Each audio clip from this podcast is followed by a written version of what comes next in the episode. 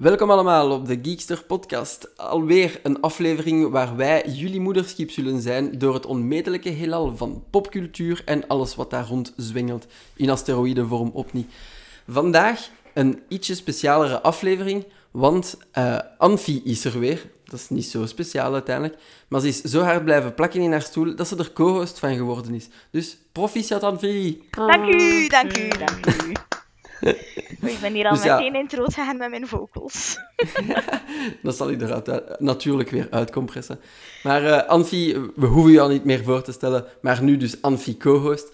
Maar we hebben nog andere mensen mee. En dat zijn, en die mag jij voorstellen, Anfi. Ja, ik zal eindelijk een keer jou voorstellen anders, Jason. Uh, ja. want jij stelt jezelf nooit voor. Ik ben dat uh, inderdaad meermaals vergeten. Dus Jason um, was vroeger onze uh, games-redacteur en is ondertussen de bezieler en het hart van onze podcast geworden. En hij doet dat fantastisch, vind ik alvast, en velen met mij. Um, en dan hebben we vandaag nog een nieuwe super special guest, dat is Louis. Het is de eerste keer dat hij meedoet vandaag. Louis uh, schrijft over boeken, series, films, soms gamet hij een keer. Um, en hij is ook een, een theatertechnicus in wording. Welkom Louis. Hallo, hoi hoi. Weer eens een nieuwe gast in onze stoel. Vierde aflevering op rij dat dat lukt, dus dat is ook al een goede winstreek. En uh, ook nog in de stoel, maar hij is wel al langs geweest, en dat is Michiel. Hallo. Michiel, uh, meestal films, series, games, uh, boardgames ook. Meestal van alles eigenlijk, hè Michiel? ja, um, films en series is al een tijdje geleden. Het is wel games en boardgames op het moment. Mm maar ja, dus weer een, uh, een geweldig panel om onze aflevering mee te vullen. En uh, zoals altijd gaan we eerst even zien of iedereen het overleefd heeft. Spoiler, dat lijkt wel zo te zijn. Dan gaan we uh, een beetje actua topics doorlopen en we eindigen alweer met ons super prangend debat. Deze keer tackelen we de teaser trailer, teaser trailer, avant teaser, première trailer van de teasercultuur. met positieve tips hoe dat ze het anders zouden kunnen aanpakken. Spoiler, kom ons niet lastig vallen en wat dat ze eigenlijk verkeerd doen de hele tijd. Maar bon, hier is de aflevering.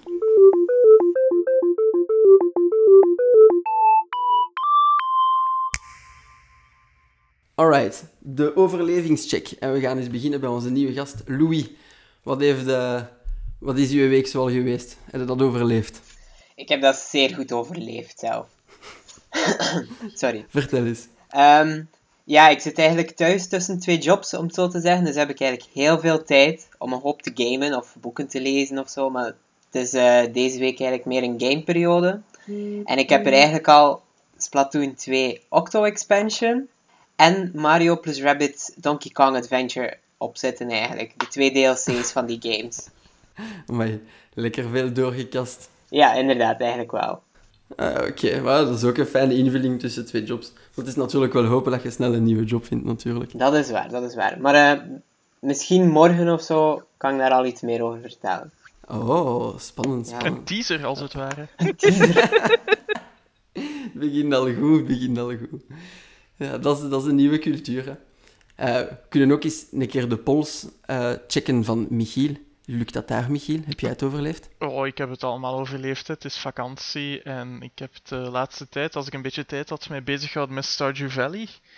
Um, Om mij daar een beetje mee bezig te houden. Maar ik ben een beetje een speciale run aan het doen. Ik ben niet gewoon, zoals normaal gezien, uh, de landbouwer aan het spelen. Maar ik ben alles aan het doen behalve landbouwen. En ook behalve vissen. Wat dat betekent dat ik me eigenlijk vooral op de mijnen uh, aan het focussen ben. En dat is een beetje een uitdaging. Het is ook soms een beetje intonig, maar het is wel eens uh, leuk. En um, ja, het doel is om bij begin van jaar 3 nog altijd door de geest van onze opa een positieve evaluatie te krijgen. Oké, okay, ja, dan kunnen we subiet verder op inpikken. En uh, bij u, Anfie, is dat daar allemaal gelukt de week? Want ik weet dat het uh, niet zo evident is geweest. Nee, dus ik ben na een tijdje afwezigheid uh, opnieuw beginnen werken. Dat, dat is lastig. Um, ik denk dat dat logisch is.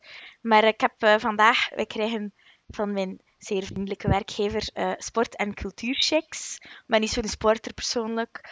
Um, Meer ben, een breier. daar straks naar de FNAC geweest en ik heb voor 100 euro boeken gekocht. Mm Cultuur, dat is het beste dat je ermee kunt Cultuur, inderdaad. Ik heb eh, alles wat ze hadden van Neil Gaiman dat ik nog niet had Oh. gekocht. Schitterend. En eh, van Margaret Atwood. Mhm. Oryx en Craig. Ja, je kunt wel wat doen met 100 euro's. Hè? Ja, dat is wel heel veel voer voor de geest. Ja, maar dat is plezant. En ik moet zeggen dat meestal probeer ik om boeken te kopen in een boekenwinkel. Ja, nog fysieke boeken. Niet in de FNAC. Tuurlijk, Ehm, fysieke boeken. Tuurlijk, ja. Uiteraard. E-readers, daar leest echt zo goed niet. Hè.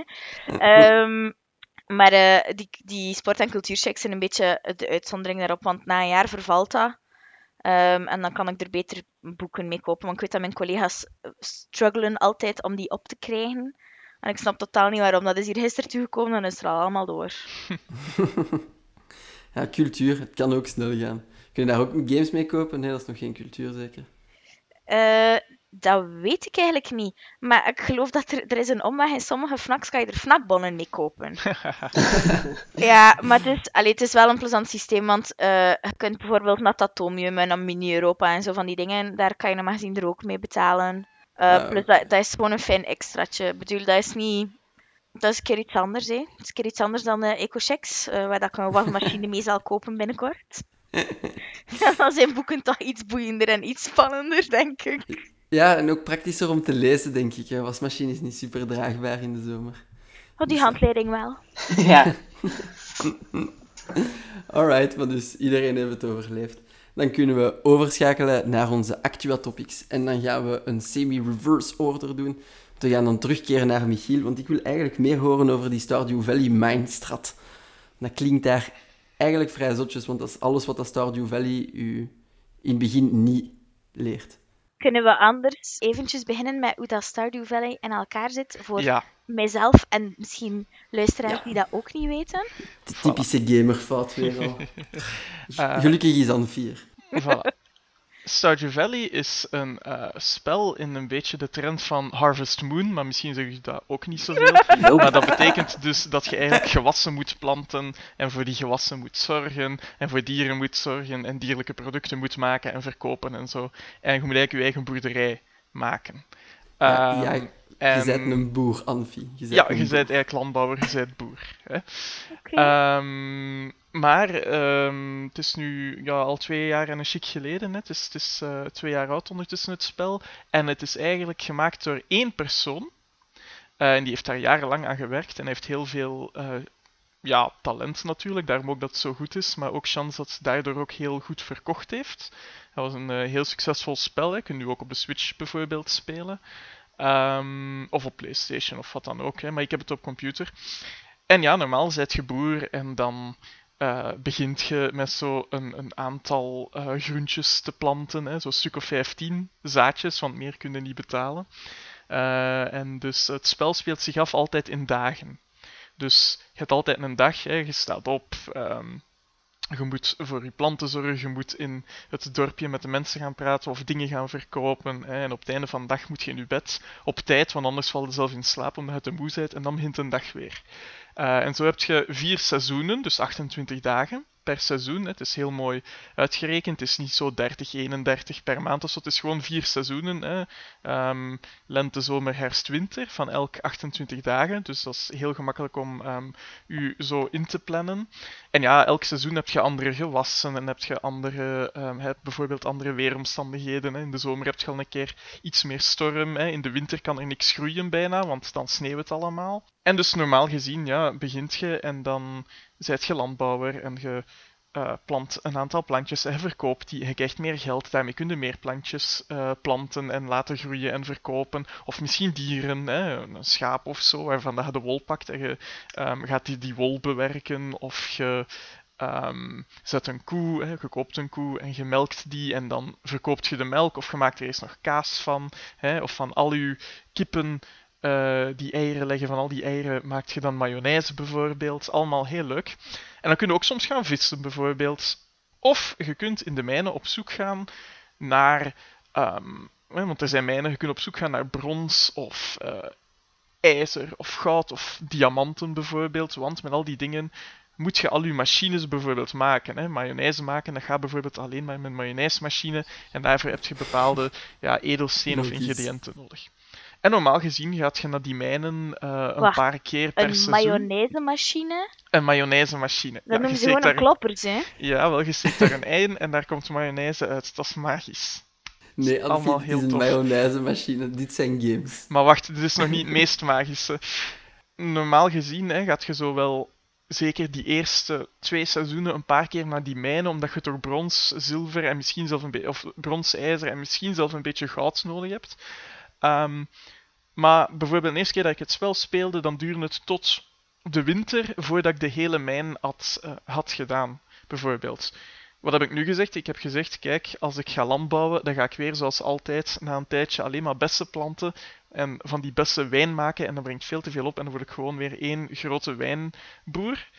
Ehm, of, of iemand die heel veel varkens heeft en die varkens die zorgen voor truffels je kunt van die truffels olie maken, wat dat ook heel veel geld opbrengt. Ik dacht dat is te gemakkelijk, of ik heb het al gedaan, ik wil iets anders doen. Ik ga mij alleen op die mijnen focussen. Ik ga zien, als ik nu alleen maar dat goud verkoop, of dat zilver, of die diamanten, of andere dingen verkoop, kom ik er dan ook.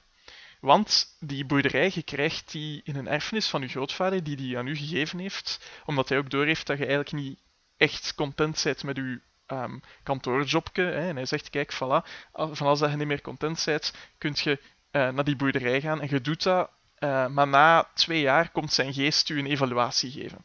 En mijn doel is om op het einde dus van mijn tweede jaar, het begin van het derde jaar, een positieve evaluatie te krijgen. Dat betekent geld verdienen, dat betekent vrienden worden met iedereen in de vallei, dat betekent een huis uitbouwen en een familie uitbouwen en nog een paar ehm, andere dingen. En ja, het is, het, is, het is anders, want ik moet niet elke dag bijvoorbeeld de plantjes water geven. ehm, of, of zien dat er eh, vogelversiekers zijn om de vogels weg te jagen, dat ze mijn zaden niet opeten. Het is gewoon opstaan en naar die mijn gaan en een beetje eh, op zoek gaan naar goud en naar zilver en naar andere dingen. Hè. Of met de bewoners gaan praten of dit en dat. En je Ehm. geen stoflong op. Nee, nee, nee, nee. nee. Het, het is niet ongevaarlijk, want de mijnen zitten wel vol monsters.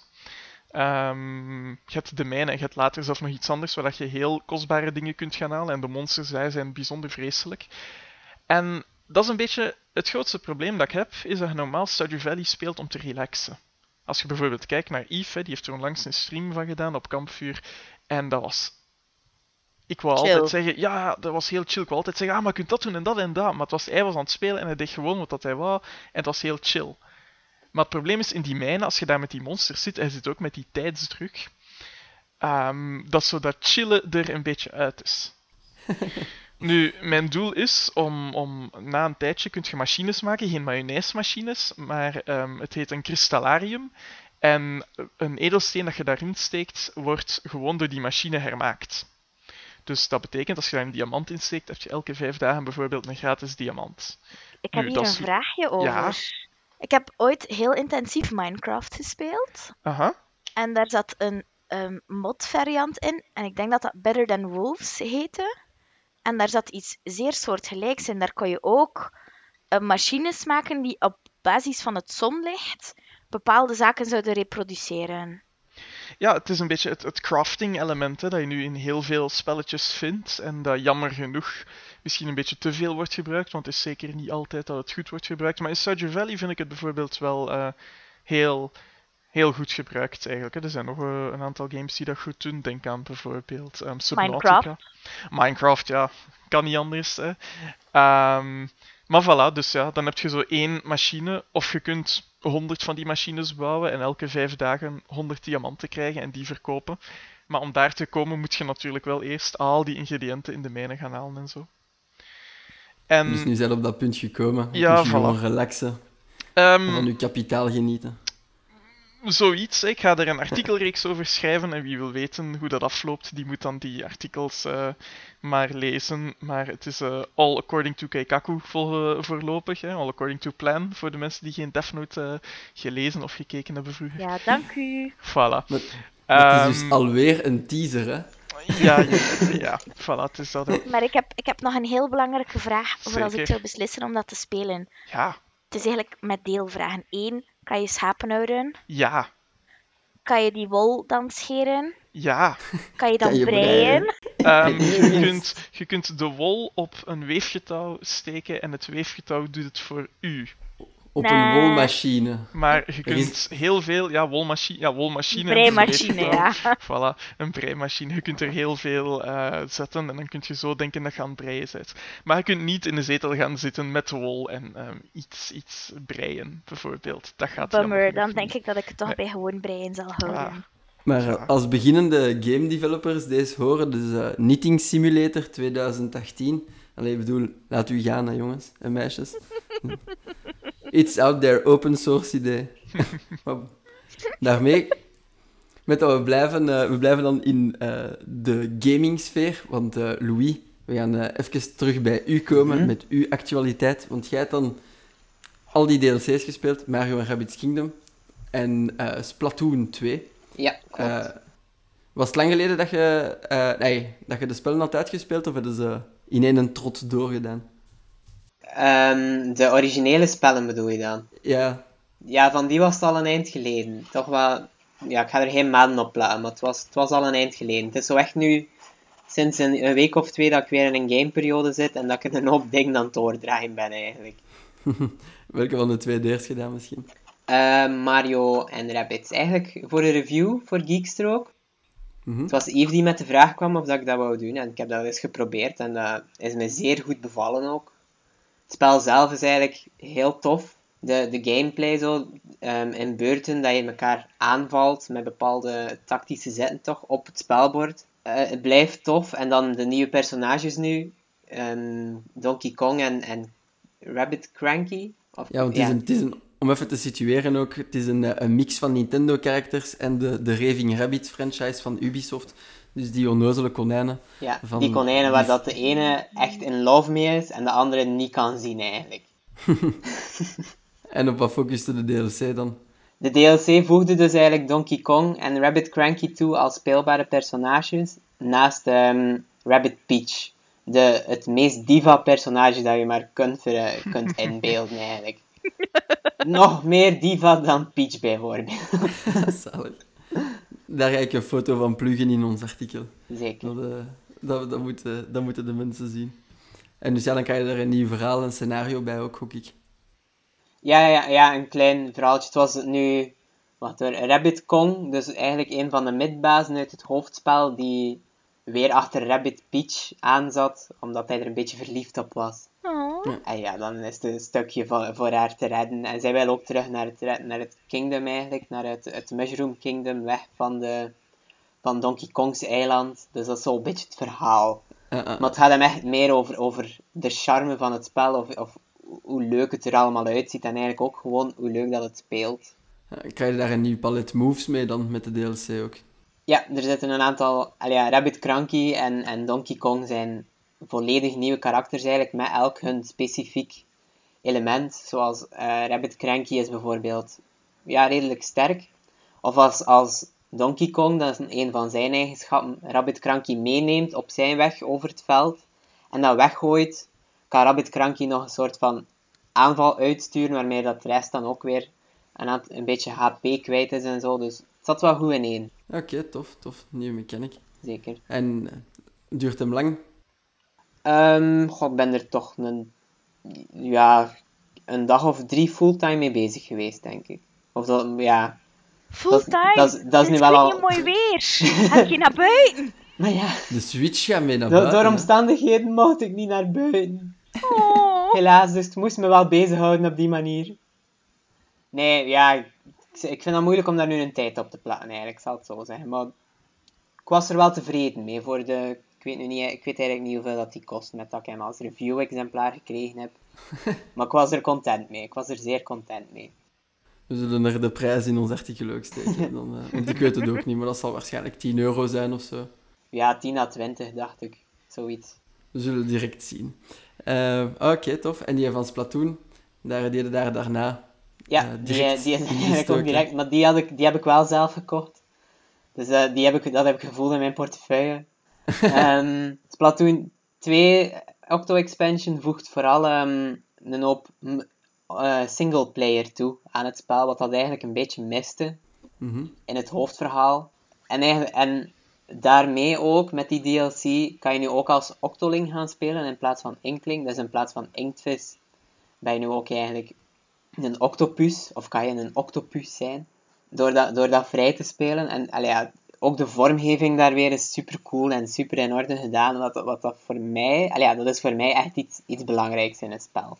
En wat is het verschil tussen de twee? Ja, wel. Wat is het verschil Tussen tussen de een... Inklings en de Octolings. Ja? Ehm, eigenlijk in, het eerste, in de eerste Splatoon en nog in de, in de, de singleplayer van de main game vecht je eigenlijk tegen de Octolings. Dat is een soort van ander ras, om het zo te zeggen, om het even in, in gevaarlijk vaarwater te gaan. Zodat, eigenlijk is dat een beetje het ene ras tegen het ander. En de Inklings hebben in de tijd gewonnen misschien. Ik weet nu ook niet 100% de achter, het achtergrondverhaal niet meer. Maar het is eh, ja, een beetje Nintendo zwart, zoals dat de Pokémon ook soms nogal dramatisch uit de hoek komen met de beschrijving. Ehm, dus, maar nu is het dus ook aan de Octolings om eigenlijk naar het beloofde land te gaan, noemen ze het. Om, om uit te breken vanuit de, de onderwereld. En eigenlijk ook op het Inkopolisplein te mogen verblijven en mee te doen met de multiplayer en zo in het spel. Oké. Dus ja. En eh, lang mee bezig geweest? Ja, toch wel. Toch wel. Het zijn eigenlijk 80 nieuwe levels. Oef. En sowieso, eer dat je die allemaal hebt uitgespeeld, zij je al een heel eind verder. De- Ik ben er zelf nog niet geraakt. Eigenlijk, het objective, of het objectief, is eh, om vier tanks, noemen ze het, te verzamelen. En dan zo verder te gaan naar nog een, sta- een stage hoger, om zo de eindbaas te spelen. En je kunt eigenlijk naar die eindbaas al zonder alle 80 levels uit te spelen. Wat natuurlijk ook wel een goede zet was van Nintendo. Want anders kwam je dat echt beu. Ja, oké. En het is altijd met een, eh, een nieuwe mechanic. Ja, Nintendo kennende. Het heeft altijd een andere gimmick, zo die levels. Ja, dat klopt. Allee, ja, er komen wel af en toe wat dingetjes terug natuurlijk, maar zeer originele dingen ook. Ehm, zo moest je bijvoorbeeld een stapel kisten aan de linkerkant dan gaan namaken of eigenlijk naschieten aan de rechterkant om zo ja, de test te, te vervolledigen. Dus dat was wel origineel naar mijn idee eigenlijk. En dan ook de, de, me- de mechanics in, in het algemeen, de platformlevels zijn ook nog altijd fantastisch. Ja, ja. enige jammere was misschien een beetje de, de bazen uit de eerste game of uit de gewone game kwamen ook weer terug, maar dan in mega-versie. Dus dat was misschien, daar hadden ze misschien net iets meer tijd mogen insteken, maar voor de rest eigenlijk niet veel op aan te merken. Heel leuk. Heel, heel veel, ja, charme is, is nu het woord dat ik, dat ik gebruik, maar gewoon, het, is, het is gewoon fun om te spelen eigenlijk. Het is gewoon heel leuk.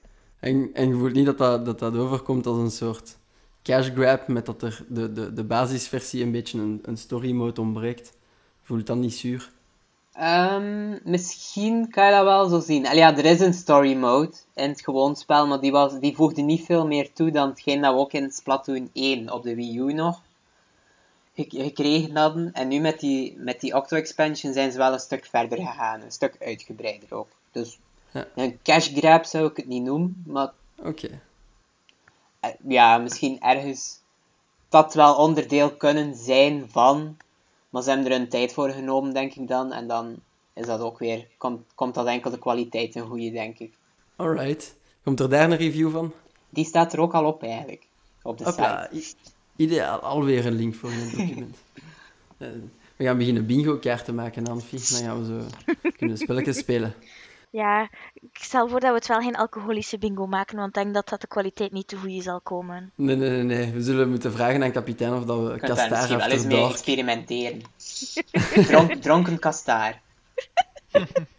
Ja, het logo echt helemaal krom trekken, dat het zo vloei is als je er naar probeert te kijken. En dan zo, het goede nieuws is, deze week hebben we een drankbudget. Ja, het is het, het is het testen waard, het is het testen waard. Maar we willen niemand aanzetten, maar toch het testen waard. Next. We hebben nog één actua-topic te gaan, en dat is eigenlijk dat van u, Anfie. Zeker wel, zeker wel. Eh, ik weet, Take the stage. ja, ik weet niet wanneer de lieve luisteraars dit zullen horen, maar gisteren was het de Vlaamse feestdag. Ehm, en ik had daarvoor één vrijdag. Dus ik ben gisteren met mijn dierbare wederhelft naar Brussel getrokken en wij zijn naar de Star Wars Identities tentoonstelling eh, gaan kijken. Dus dat is, ik had gedacht dat dat gewoon zo een, een tentoonstelling met heel veel props en kostuums en superboeiend op zich al zou zijn. Ehm, maar het is, ik was eigenlijk verbaasd over hoe diepgaand het was. Want de reden waarom het Star Wars Identities is, is je krijgt in het begin krijg je ehm, naast de standaard audioguide een polsbandje. En dat polsbandje kan je ehm, inchecken in een aantal stations.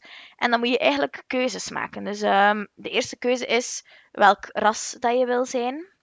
Ehm, maar er zijn er ook een heleboel andere. Welke opvoedingsstijl dat je ouders gebruikt hebben, waar dat je genetisch sterk in bent, een heleboel meer. En dat wordt dan eigenlijk afgewisseld met een zeer voor dummies weliswaar uitleg over de impact die zowel ehm, genetica als omgeving, als mentoren, als de keuzes dat je maakt, als je job, allemaal van die dingen, ehm, welke impact dat, dat heeft op wie dat je wordt. en dat wordt eigenlijk telkens Amai. ondersteund Ehm, met een soort compare and contrast tussen Anakin en Luke.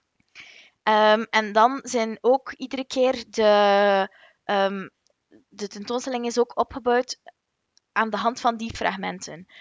dus bijvoorbeeld, een van de dingen is dat Anakin genetisch gezien, ja, dat is natuurlijk er kwamen midi-chlorians in de uitleg voor, vonden wij Oh wat, nee. vonden wij Oh, wat jammer. Eh, maar ehm, dat hij goed is, dat hij snel reactievermogen heeft en dat hij daarom goed is in dat podracen. Maar dat ook is omdat hij opgegroeid is ergens waar dat, dat podracen zo alomtegenwoordig is. ehm, dat hij heel veel in aanraking gekomen is daarmee en dat hij daarom dat talent verder heeft kunnen ontwikkelen. En dan zie je, en dat was wel heel boeiend, dan zie je zo de minis van de verschillende podracers en helemaal in detail uitgewerkt. En dan bijvoorbeeld allerhande schetsen om tot ehm, bijvoorbeeld de, de kantina te komen en zo. En op die manier is dat eigenlijk opgebouwd. Wat dat er eigenlijk iets meer diephangen heeft. En wat dat ik denk ik, want ik ben...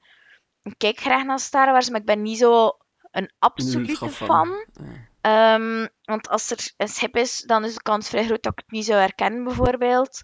Ehm, maar dat maakt het ook wel heel, heel boeiend eigenlijk om, om daarover na te denken eh, en om wat nieuwe dingen te zien. Ehm, en dan, als je, als je door heel de tentoonstelling gegaan bent, er zijn tien, tien keer moet je keuzes maken. Dan op het einde dan zie je je personage verschijnen in de outfit van de job dat je gekozen hebt. Ehm, met de mentor die je gekozen hebt, waar dat je opgegroeid bent, enzovoort enzovoort. En als je dan je mailadres geeft, dan krijg je achteraf ook een, eh, een mailtje met kijk, dit is je personage. En helemaal op het einde moet je kiezen voor de, de dark side of de light side of the force. En ik moet zeggen dat ik het eigenlijk heel plezant vond. Het was wel prijzig. Ik vind 23 euro veel. Ehm, voor iets dat, waar dat je 3, euro mee bezig, eh, drie uur mee bezig bent. Maar het was leuk en ik ben blij dat we gegaan zijn. Oké. En die personages die je dan hè, wordt of gemaakt die door je keuzes, is dat dan in de trant van iemand die heroïsche dingen doet in het heelal? Of gewoon eigenlijk een naamloze, oh ja, niet een naamloos dan waarschijnlijk niet meer, hè, maar gewoon een gewone, een gewoon mens of gewoon personage eigenlijk, hè, moet daarom niet menselijk zijn, die, die zo gewoon een gewone job heeft? Of is het sowieso de bedoeling dat je iemand wordt die in de Rebellion of in de Empire iets gaat doen? Dat is allemaal zoals dat je het kiest. Dus ehm, een van de dingen is dat er een rad spint en je, moet dat, je klikt met je bandje en je krijgt een gebeurtenis. Ehm, en dan moet je kiezen hoe dat je ermee omgaat. Het, het Dus- doet mij een beetje denken, als ik het hoor, aan als, alsof dat je een, een tabletop RPG zou spelen. Ja, Je kiest je personage en de, de, de GM die, die vertelt dan wat dat de situatie is of dat er gebeurt en zo. Ja, eigenlijk is dat een vrij nauwkeurige omschrijving, want je kunt bij de beroepen kan je kiezen. ehm, er zitten zowel boeren in als senatoren, als Jedi Knight. Het, is, het, allee, het, het gaat vrij ruim. En wat dat eigenlijk heel boeiend maakt, is dan iedere keer de link met personages. Dus bijvoorbeeld bij het kiezen van, van een job, ehm, maar, maar geeft ze een uitleg over zes grote categorieën van vaardigheden dat je nodig hebt in een job. Dus creatief versus eh, rigide, dat soort zaken. Mhm. En dat doen, Mhm. doen ze dan aan de hand van ehm Padmé. Eh, dan leggen ze uit waarom dat ze koningin geworden is en waarom dat ze daarna senator geworden is. En welke gebieden die dan voor haar van toepassing zijn.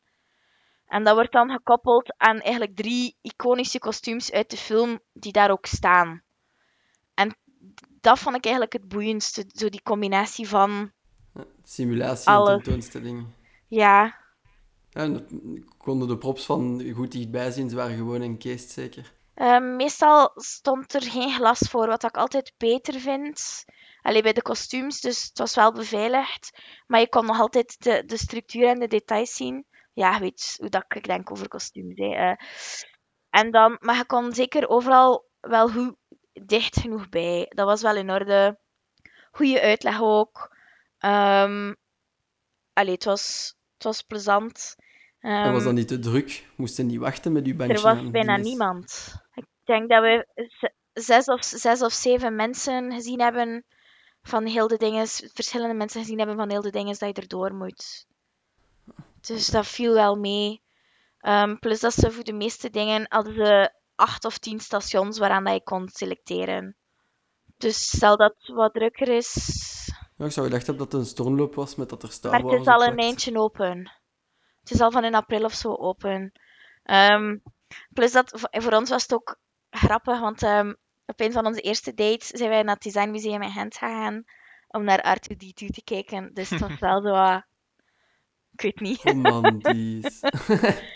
Ja, maar ja, was- ik weet niet. ik vond dat vrij plezant. ehm, want hij is wel een hele grote Star Wars fan. Ja, Dus, herkennen eh, we allemaal van ver. Wat is hij geworden dan? hij was een, ehm, ik was een Jedi Knight. Uh-huh. Eh, ik was eigenlijk Ahsoka Tano, ongeveer. Mhm. Zo zag ik er ook uit. Ehm, en hij was een Mon Calamari Rebe- Rebel, Reb- Rebel Alliance fighter pilot. Heeft En hij er- Ultra Trap gezegd of niet? Nee, Oeh, nee. nee we hebben de punt hebben we gespaard voor s'avonds bij het voetbal. Ah, oké, Ehm, maar je kunt, eh, dan is er ook een ding waarbij dat je een vriend moet zoeken. Dus dan zijn we vrienden geworden met elkaar. En dan zie je op zo die finale projectie zie je dan ook zo je vriend in de achtergrond staan. Dat was wel... Allee, het, ook technologisch zit het goed in elkaar.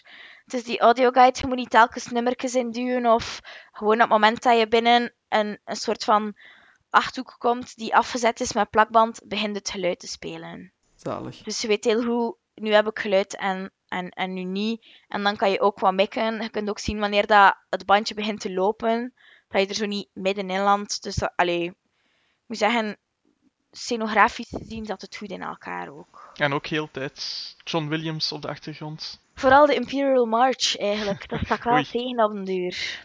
Om u buiten te jagen. Ja, maar het, het- ja, je moet... In het begin zie je zo de uitleg van hoe dat in elkaar gaat zitten en dan speelt dat erover. En het is in... ehm, ik denk dat het in Paleis 12 is.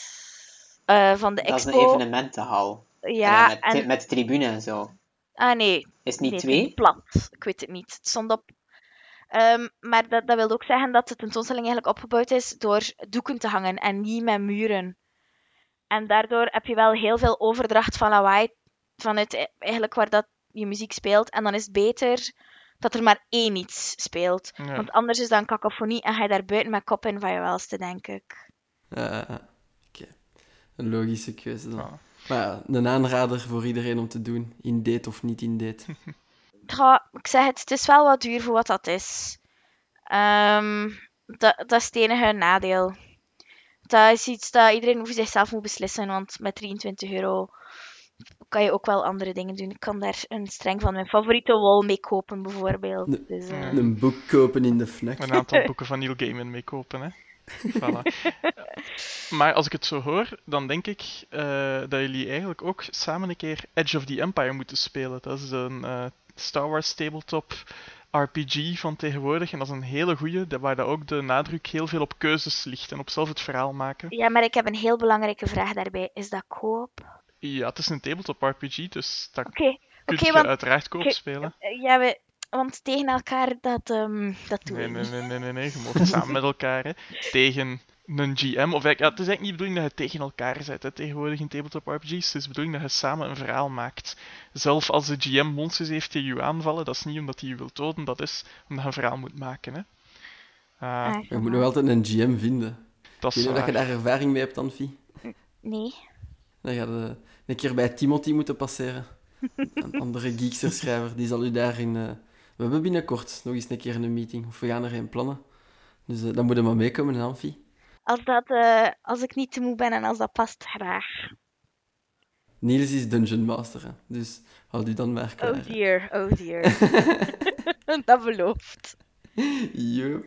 Maar oké, dan zijn we door eh, iedereen zijn actua. Dus we moeten Star Wars Identities gaan zien. Loopt dat nog lang? Dat is misschien nog een Begin belangrijke vraag. september, denk ik.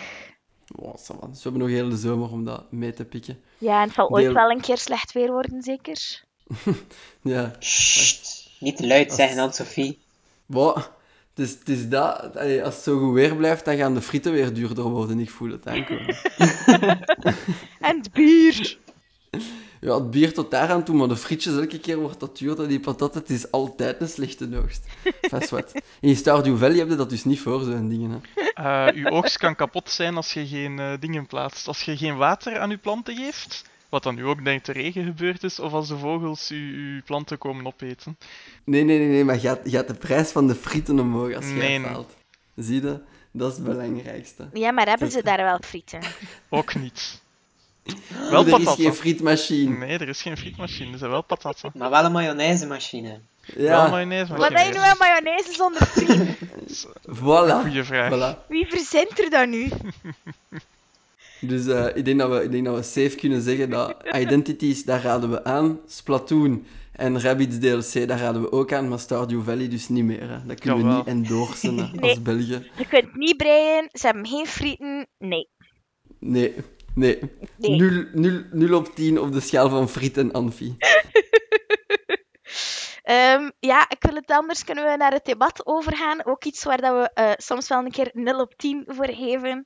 En dat is het huidige systeem waarbij dat er eh 100 trailers gelanceerd worden voordat de film uitkomt. En nog erger, dat er als aankondiging van de trailer, die eigenlijk een aankondiging is van de film, ook nog een keer een teaser gelanceerd wordt. Dus een trailer voor de trailer. Ehm, en ik denk dat de algemene consensus hier is dat wij daar geen fan van zijn. Ehm, omwille van een aantal zaken. Denk ik één, omdat er een heel kunstmatige hype opgebouwd wordt, waardoor dat alvast ik heel vaak teleurgesteld ben door de uiteindelijke film. En dat er ook gewoon veel te veel informatie weggegeven wordt. Yup. Ja. Dat is waar. Of soms liegen ze. Maar jullie mogen het ook niet eens zijn met mij. ik heb, Jason heeft mij verteld dat dat belangrijk is. Dat dat mag. Wat- wat- de- Je geeft hier ons geheime prijs. Sorry, sorry. Nee, maar ja, volmondig mee eens. Er zijn te veel... Het is de, de, de, de, de korte teaser op de trailer is denk ik de ergste van allemaal. Al is er een spoiler in een trailer, is dat ook wel irritant. Maar eh, ja, in Gameland eh, leeft dat ook. Met, eh, als ik dan even mag inpikken op E3, dat in het algemeen... Dat is een evenement waar dat ze games moeten tonen, maar eigenlijk de hele week en half op voorhand waren ze hun trailers van dat evenement aan het teasen. Jawel. Dus dat was verschrikkelijk irritant. Echt. Of ze doen trailers voor een Kickstarter-campagne dat ze gaan doen, niet eens voor het spel zelf. Is nog een, nog een stapje verder Vorig jaar was dat met Shenmue. Ja, dat is echt verschrikkelijk. En is dat zo bij de films ook, Louis? Eh, wel zeker. wel, hè. Zeker, ja. Daar, het is vandaar dat het voornamelijk komt ook, hè. De, de teaser voor de teaser-trailer en dan de trailer daarna. En dan die trailer die soms te veel weggeeft ook. Dat is gewoon super irritant. Ik kijk er persoonlijk maar één meer de laatste tijd. Eén trailer en tegen dan heb ik het ook wel gezien. Van als je die film dan ook nog wil gaan bekijken. Ja, dat, dat je... De, de eerste of de laatste trailer? De eerste eigenlijk. Ah. Of tenzij dat toch films zijn waar dat ik toch heel hard naar uitkijk, zal het zo zijn. Dan, dan is het soms moeilijk om ervan weg te blijven, natuurlijk. Ah. Maar jij zet het ook kotsbeu dat er te veel zijn. Ja, zodat die, zoals Anfida juist zei, die kunstmatige hype opbouwen, dat is, dat is voor niet, niet goed, denk ik. Of ja, niet goed. Dat zorgt er wel dat er over gesproken wordt, maar dat is zo... Ja, te kunstmatig. Zo, we willen dat er over gebabbeld wordt. Dus doe het, ook al is het misschien niet allemaal positief. Doe het toch! Oh ja, maar dat, dat houdt het wel in de kijker natuurlijk. Ja, hè, dat want- is waar. allee, Dat is, dat is de andere kant. om- maar ik denk nu niet dat... Fans gaan, gaan dat sowieso niet vergeten of zo, hoor. Nee, maar zoals, ik vond zelf dat het parallel loopt met games, maar dat de window van, van, van aandacht, van, omdat er zoveel producten uitkomen, dat die korter en korter is. Dus als uw naam even in de vergetelheid valt, zoals een Kickstarter die te vroeg aangekondigd is, ja, dan, dan dat kan een enorme impact hebben op de verkoop natuurlijk. Hè. Ja, maar de, de films waar dat ze het meestal mee doen, zijn hele grote IP's. Star Wars bijvoorbeeld. Maar manneke. Marvel, dat- maar manneke. Hmm. Dat ik echt zoiets heb van... Dat, dat vergeet je niet, want ehm, we hebben Kenny, ik weet niet, dat was een schrijver voor eh Geekster, die heeft een fantastisch artikel geschreven waarom Die Hard de beste kerstfilm is. Ehm, Dat was een tof artikel. ik ga daar. Af en toe een keer mee naar de cinema. En die, die heeft een hekel aan Star Wars trailers bijvoorbeeld. Dus als dat opkomt, die doet zijn ogen toe, die steekt zijn vingers in zijn oren. En ik moet die aanstoten op het moment dat het gepasseerd is. Want die wil gewoon naar die film gaan zonder informatie. Gewoon met wat dat hij weet van het universe. En gewoon, want het probleem is dat soms de helft van de plot twist zitten al in die trailers.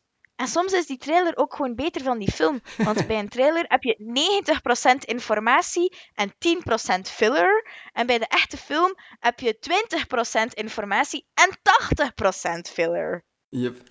Dat is, dat is wel natuurlijk handig aan, aan de trailers. Als je met de laatste grap van de trailer, dat normaal gezien de beste moet zijn, niet lacht, dan weet het ook direct dat je de film niet moet gaan zien. Dat is wel handig. Zo. Maar dus als, als, als ik het goed begrijp, Kenny, dat is dus zijn parade daarvoor. Kenny, pak, Kenny pakt u mee als blindgeleide Anfi voor eh, trailers te ontwijken. Ik maak mij graag wijs dat wij naar het cinema gaan omdat wij vrienden zijn, maar oké. maar allee, want ik snap dat ergens wel, hè. want trailers op internet kan je nog zeggen van, je kunt het vermijden. En dat heeft ook te maken met het debat over spoilers dat we al een keer voor een groot stuk gevoerd hebben. Maar in de cinema, je kunt het moeilijk vermijden. Hè. Je kunt moeilijk zeggen, ah, ik ga even naar buiten en ik keer straks wel terug. Als je niet op tijd terug bent, mis je het begin van de film. Yep.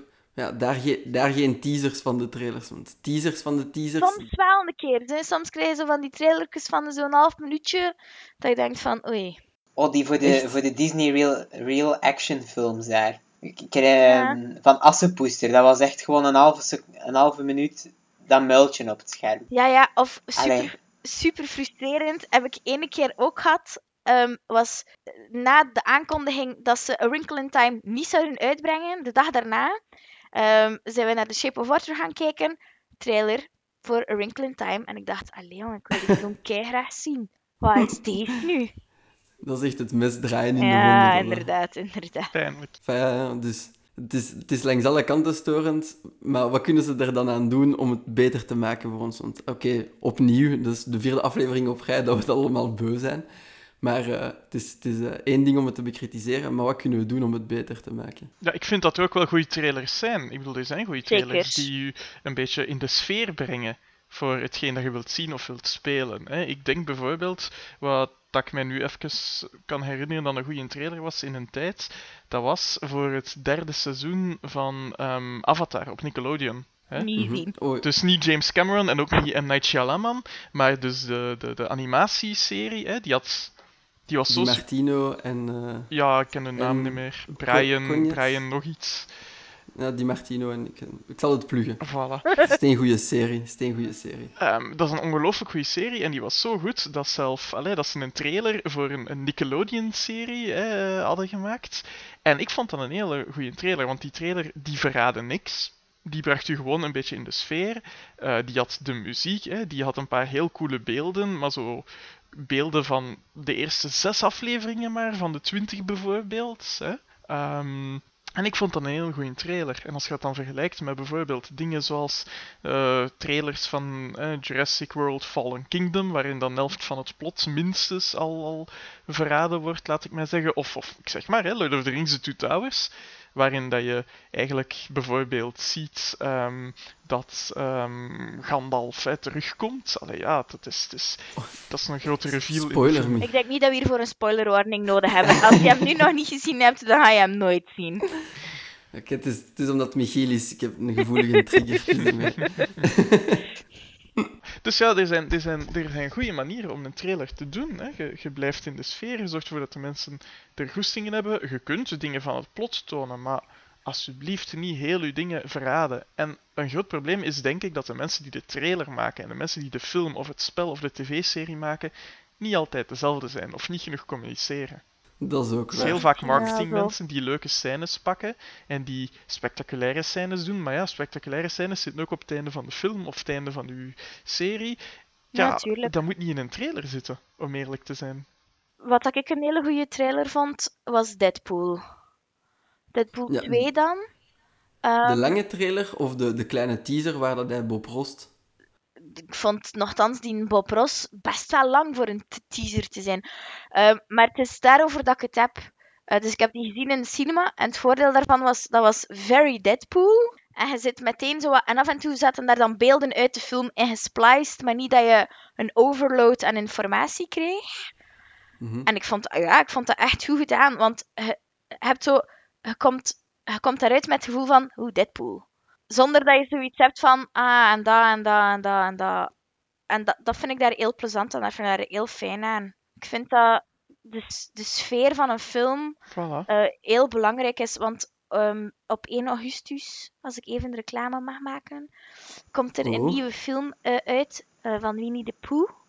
Mhm. Ehm, over Christopher Robinson die groot geworden is. En die een beetje zijn... eh, van het padje, hij is van het padje. Ehm, Van het padje. van Ewan. McGregor, hè? Als Ewan Christopher McGregor, Robin. inderdaad. Ehm, Kenobi is van het padje. Wie had dat meegemaakt? Want hij heet niet Poe, hè? hij heet ook Christopher Robin, hè, de film. ja, inderdaad. Maar het gaat over wie... Het, is, het gaat over Winnie de Pooh, oké? Ja, ja, ja. Ehm, en dan, ehm, het enige wat hij weet is dus dat hij inderdaad de weg kwijt is. En dat Poe en al de rest eh, ingrijpen. En veel meer dan dat weet je er niet. Je ziet dan af en toe in typische Poe-stijl zo'n hele diepe bespiegeling van een knuffelbeer. Altijd geweldig. Ik ben altijd al een fantastische fan geweest eh, van Winnie de Pooh. Ehm, en en ik, ik zag die... Ik probeer om niet meer naar trailers te kijken. Maar ik heb de tweede of de derde zien passeren en heb ik al de rest ook bekeken. En ik had niet het idee dat het einde van de film al gespoild was. Of eigenlijk zelfs wat dat er zou gebeuren, behalve de grote plotlijn. Ehm, maar ik zat wel helemaal zo terug in die sfeer. En ook zo in dat... Yes, poeh. en en dat, dat is er fijn aan. Want ik weet dat als ik filmreviews schreef, dan probeerde ik mij qua spoilers te houden als, als het in een trailer zit, is het geen spoiler. Maar ondertussen gaan ze in die trailer zodanig ver dat dat zelfs geen, geen goede duimregel meer is. Ja, dat is. En heb je nog een idee van wanneer dat, een, dat ze de eerste trailer van Poe hadden gelanceerd? Hoe, hoe lang op voorhand? Dat weet ik niet. Maar, want dat vind ik ook heel frustrerend. Ik heb onlangs een trailer gezien voor ehm Wreck-It Ralph Breaks the Internet. Dat is dus nog kei lang voordat die film uitkomt, hè? Jup. Ik had zoiets van, oh, ik ga gaan kijken, dat zal wel binnenkort zijn. Want het was echt al een grote trailer. Ja, nee, noppes, nog een half jaar. Dat valt goed mee. We krijgen bij games vaak trailers voor iets van binnen twee jaar. Ja, ja, ja, of binnen tien Ja, jaar. maar ik heb de aandacht, de aandachtspannen van een houtvis. Als hij dat bij mij probeert, ben ik het toch al vergeten. Ja, nee. gamers, gamers die kunnen tien jaar door, wachtend op een spel. Met twee tweets en zes teasers. Wij, wij kunnen door een woestijn van, van niks gaan, als fans. Ja, maar we gaan geen debat doen over welke, welk onderdeel van ons luisterpubliek dat er beter is. Zo gaan we niet beginnen. nee. Air, air gatekeeping, air gatekeeping. Je, je zegt geen echte als je niet tien jaar wacht op de mix van Final Fantasy en Disney. Oh dear. Daar komt Winnie de Pooh ook in, hè, in Kingdom Hearts. Zou je heel leuk Ja. vinden. En Ricky Ralph ook. En Star Wars. Wordt en met Marvel. heel veel respect behandeld. En Yep. terecht. Iedereen zou Poen met respect moeten Ja, behandelen. ja, ja. Poe is top dog. Zeker. Louis, je had nog een, eh, een, een idee om het te, verbe- te Wel, verbeteren. wa- zoals Anfisa eigenlijk zegt, gaat het allemaal om sfeerschepping. En ik wou dan een beetje de oefening maken hoe dat we dat zouden kunnen aanpakken voor bijvoorbeeld Infinity War. Hoe dat je daar nu hype voor kan gaan maken, of juist niet. Al ja, of hype maken, we willen dat eigenlijk niet. Die hype moet er gewoon van de fans zelf uitkomen. En ik denk dat dat nog de beste hype is die er is. Wel opletten dat we het einde niet spoilen. Eh, ja, is hij niet al bijna uit de cinemas ook? De volgende in de rij is Ja, maar nee, nee, zou hem niet geen spoilen. spoilers Maar ik ga niet spoilen, ik ga niet spoilen. er gebeurt Nee, iets. dus na datgene dat er gebeurt, vraag ik mij af bijvoorbeeld, met, als ze dan gaan beginnen aan die trailers, waarvan dat nu, we weten zelfs nog geen datum ook, denk ik, of wel? Release datum is, ja, jawel, voor ergens Nee. mei, denk ik, mei volgend jaar. We weten, allee, ja, als, als ze daar echt iets willen aan doen van trailers, gaan ze toch iets moeten bekendmaken over, over het verhaal. En ik denk dat het juist heel tof kan zijn als ze daarmee toch tenminste wachten tot na ehm, Captain Marvel daar. Dus dat is nog tot in maart.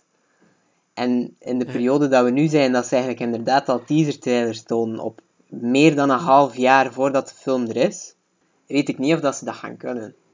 Terwijl dat ik wel denk, als we niks doen, ja, of als we, dan het marketingteam achter Infinity War 2, moesten we niks doen, dat die hype ook gewoon op zichzelf gaat verder leven. Maar echt helemaal niks te zeggen. Nee, helemaal niks. Allee, Ja, ze enkel hebben- dus de release datum officieel, maar zelfs eigenlijk geen titel ook, omdat er nu ook al Dat ga ik je teleurstellen, want ze zijn aan het aankondigen dat ze een titel bijna gaan eh, bij... vrijgeven. Ja. Oh my god, er zijn nu al teaser trailers voor de titel aan de Ja. Blijkbaar. Dus zie, ze gaan het echt veel te ver doortrekken. Dat is heel jammer. Daar gaat uw plan, Louis. Shit. Jesus Christ. Maar ja, niks is- doen. Ik denk dat dat heel moeilijk is om de mensen te overtuigen van marketing of PR om, om, om dat te doen. Maar er is wel iets anders dat bijvoorbeeld bij Infinity War, voordat hij uitkwam, hè, dus niet voor ehm, de volgende, maar voor degene die nu al geweest is, soms liegen ze in trailers. En ik weet niet goed wat ik daarvan moet vinden eigenlijk. Of vind ik dat goed of niet? Aan de ene kant verraden ze niks. Aan de andere kant ja, liegen ze tegen u en creëren ze ook verkeerde verwachtingen. Voor een, een, een heel klein voorbeeld, een heel klein voorbeeld bij Infinity War, hè, ehm, het aantal stenen in de handschoen is in de trailer anders dan in de film op heel belangrijke momenten, bijvoorbeeld. Uh, en het aantal stenen in die handschoen ja, bepaalt wel heel belangrijke dingen voor die film. Dan vraag ik En mij het is geen montagefout. Het is... Nee, nee, nee, dat doen ze expres. Nee, het was bewust zo gedaan. Het is echt expres, want soms gebeurt het dat ze in de trailers eigenlijk beelden steken van scènes die geschrapt zijn. Hè. Ja, dat gebeurt ook, dat ze scènes steken die niet in de film komen. Nee, nee, maar het zijn scènes die wel in... Ah, er zitten ook scènes in die niet in de film komen. Hè. Infinity War Ja. bijvoorbeeld. Hebt van gevechten in, in ehm, waar, waar dat Black Panther en, en Captain America en, en de Hulk bijvoorbeeld naar voren lopen in de trailer, die heb je niet in de film. Ehm, maar eh, scènes die wel in de film komen, hebben ze dan in de trailer een beetje aangepast om niet te tonen, of niet accuraat te tonen bijvoorbeeld, hè, ehm, hoe het met het, het power level hè, van, van Thanos is, is gesteld, bijvoorbeeld. Ja, ik ga hier even in het rood gaan, Jason. Het spijt mij. Dat is toch bullshit? Dat is toch je reinste bullshit? Als je het niet kan zeggen, like of dat is in de film, dan heeft het geen plaats in je trailer. Ja, maar ja, als ze het dan wel zetten in de trailer, dan klagen wij dat ze spoilen in de trailer. maar dan moeten ze Allee, dat ja. gewoon niet in de trailer steken. Toont die handschoen dat gewoon niet. Ja, Ja, ze, ja. willen spectaculaire scènes tonen, Nee. hè, maar ik denk dat Nee. dat Voilà. niet moet om, aan- om aan de sfeer te raken. Kunnen we dan misschien denken aan een, aan een, andere, een ander paradigma, waar dat de marketing niet meer rond beelden van de film draait, maar rond dan gewoon de sfeer. En ik bedoel dan, like dat dat ook succesvol is, Ryan Reynolds, die gewoon tweet alsof hij Deadpool is. en Ja, ik heb daar eigenlijk... Ik ben, ik ben fan van Deadpool. Ik heb geen enkele comic... Ja, wel, ik heb ene comic ooit gelezen. Maar dat was nadat ik van Deadpool had gehoord. Gewoon door die fratserijen van Ryan Reynolds. En vooral de, zelfspot met Green Lantern. Dat is op Ja. zich ook een manier om hype te creëren, zonder beelden van de film vrij te geven. Maar ik denk dat Deadpool is een heel uitzonderlijke situatie, omdat de fourth wall daar consequent doorbro- doorbroken Mhm. wordt. En daardoor kan dat. Maar er zijn heel weinig andere films waarin dat er ruimte is om een acteur te laten verwijzen naar andere personages dat hij al gespeeld heeft. Dus da- Ja. daar zijn ze wat uitzonderlijk. Maar je kunt ook iets weggeven van het verhaal. Zoals bij die Poe-trailers. Er zijn ook andere trailers geweest hè, waarbij dat je niet zoiets hebt van, ah, ik weet nu al hoe dat gaat aflopen. En dat, dat vind ik wel jammer. Ja, maar het is omdat, misschien, misschien omdat je bij Poe moeilijk, moeilijker kunt spoilen dan bij van die action-packed, twee uur durende superheldenfilms. Dat het daar dan ook kan, met sfeerbeelden en wat dan ook. Zouden ze, ja, of dat ze het kunnen wegtrekken van de beelden. Zou dat echt niet mogelijk zijn? Ja ik- het, het, het, is, het is een moeilijke oefening natuurlijk, hè, maar ik vind nu toch wel liegen is, is, is, is het creëert verkeerde verwachtingen. Het mag natuurlijk niet, hè. het is allemaal stout liegen. Hè. Ehm, maar het creëert verkeerde verwachtingen en, en dan voelt je je soms toch een beetje bedrogen als je dan in de film zit, hoe goed dat de film ook bijvoorbeeld kan zijn. Hè. Ja, tuurlijk. Maar zeker als het niet goed is en do- door die verkeerde verwachtingen heb je de film of het spel gekocht of wat dan ook. Ik zeg maar iets. Hè. ehm, ehm, Watch Dogs. Dat was Ja. een spel van een tijdje geleden en in de trailer zag het er allemaal qua verhaal veel beter uit en ook gewoon qua graphics veel beter uit dan het in het eigenlijke spel was. En dat heeft ook Mhm. voor heel veel controverse gezorgd. Maar ja, dan voelt je je toch ook als, als consument belogen. Natuurlijk, hè. De controverse was zo diep dat daardoor, en ik denk dat dat enkel bij games is, dat ze zo met veel trots eh, boven hun trailers of hun teasers zetten, rendered with in-game footage, nee, nee, nee, 60 fps, of het is real, real game footage, of pre-rendered selection, of pre-rendered footage. Ze zetten dat daar in koeien van letters op, zo ja, van- maar stond dat ook Ja, niet bij die Watch Dogs trailer erop in tijd? Ja, ja, Ik maar nu is het... wel, nu is, ja, ja, maar nu is het zo een punt geworden van kijk eens hoe hard wij niet liegen. Ze kennen ze de wereld op zijn kop. Ja. Dus ja, liegen is geen goede optie. Niks zeggen. Dat kan interessant zijn, hè, maar dan denk ik dat inderdaad zo van die dingen zoals breng ze in de goede sfeer, hè, met, met Deadpool. Ook al is dat dan ja, een uniek voorbeeld, omdat die de fourth wall nogal heel vaak breken. Ehm, ja, is dat Ja. toch een betere oplossing eigenlijk? Maar ze Ah, zouden... Die...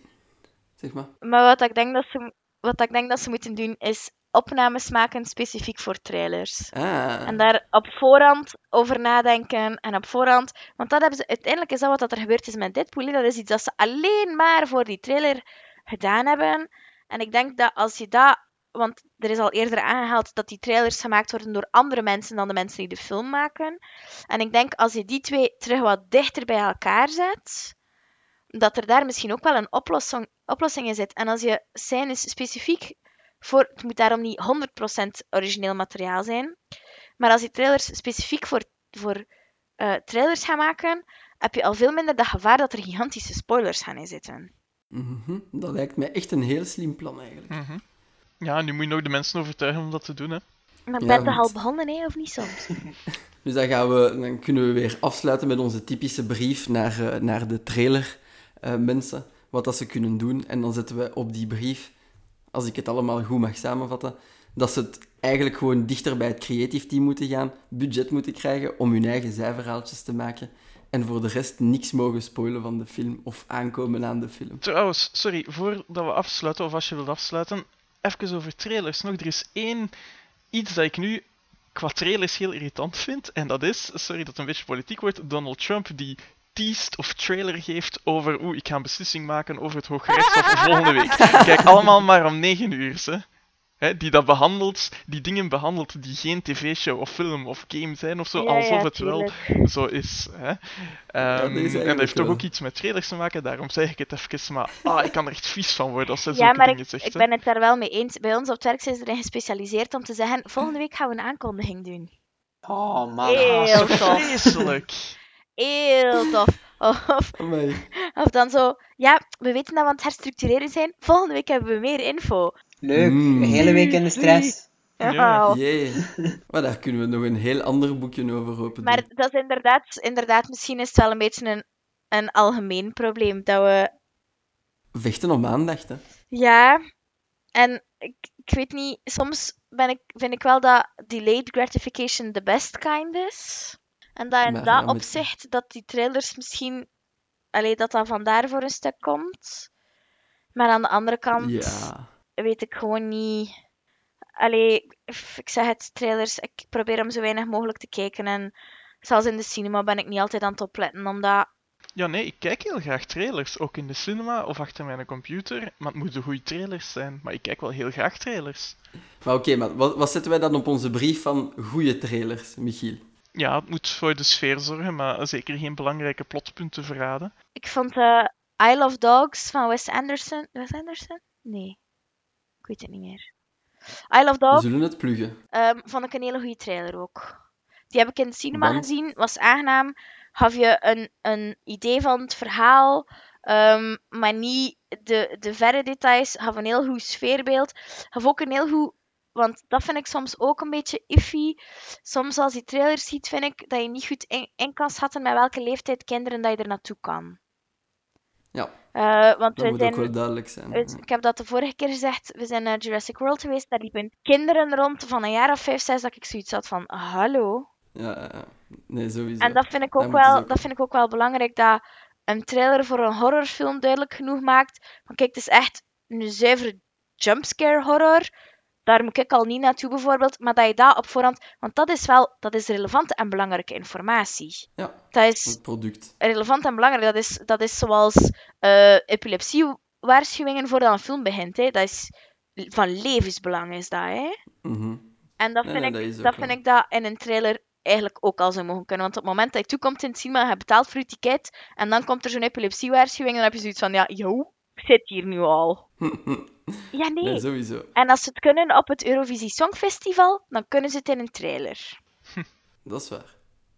Dus de sfeer waarborgen, niet spoilen, maar wel duidelijk het product adverteren. Ja, ook. en niet Dat het, liegen. eh, niet liegen.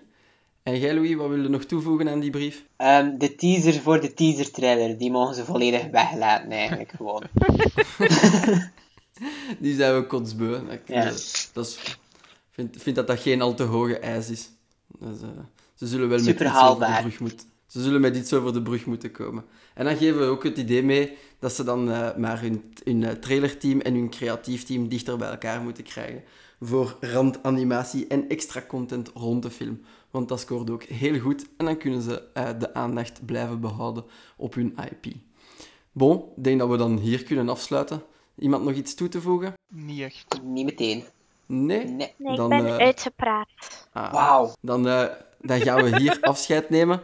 Dan, zoals altijd, eh, kunnen jullie feedback, kritiek of andere zaken eh, mailen, sturen, AM'en op de socials of een postduif aan een postduif meegeven. Een hele prentbriefkaart, Jason. Ja. De, die ook. Dorpstraat 101 tot 1040 Brussel. Je mag ook, je mag ook nog steeds artiestpunten opsturen. Dus dat gaat Ach, het ook is nog. historia. Goh. Ja, ik Maar het. De nieuw volgende ook. aflevering gaat over jeugdsentiment. Nieuw ook in ons assortiment is onze Discord-server, die dan eh, ook in de kopie van het artikel zal staan. En eh, met dat we dit allemaal broadcasten op Anchor, als, als jullie dat ooit willen, eh, als jullie feedback willen geven, jullie kunnen via de Anchor-app ook eh, stukjes opnemen en naar ons doorsturen, eh, zodat wij die kunnen beantwoorden of integreren in mogelijk een volgende aflevering. En anders mag je dat zelf oppakken en ook naar ons e-mailadres sturen, dat ook in de kopie van het artikel zal staan. Zo, alles is geplucht, alles is gezegd. Dan is het enige dat nog overblijft afscheid nemen. Ciao, bijkes iedereen. Ciao. Dag. Salut. Doei. Doei!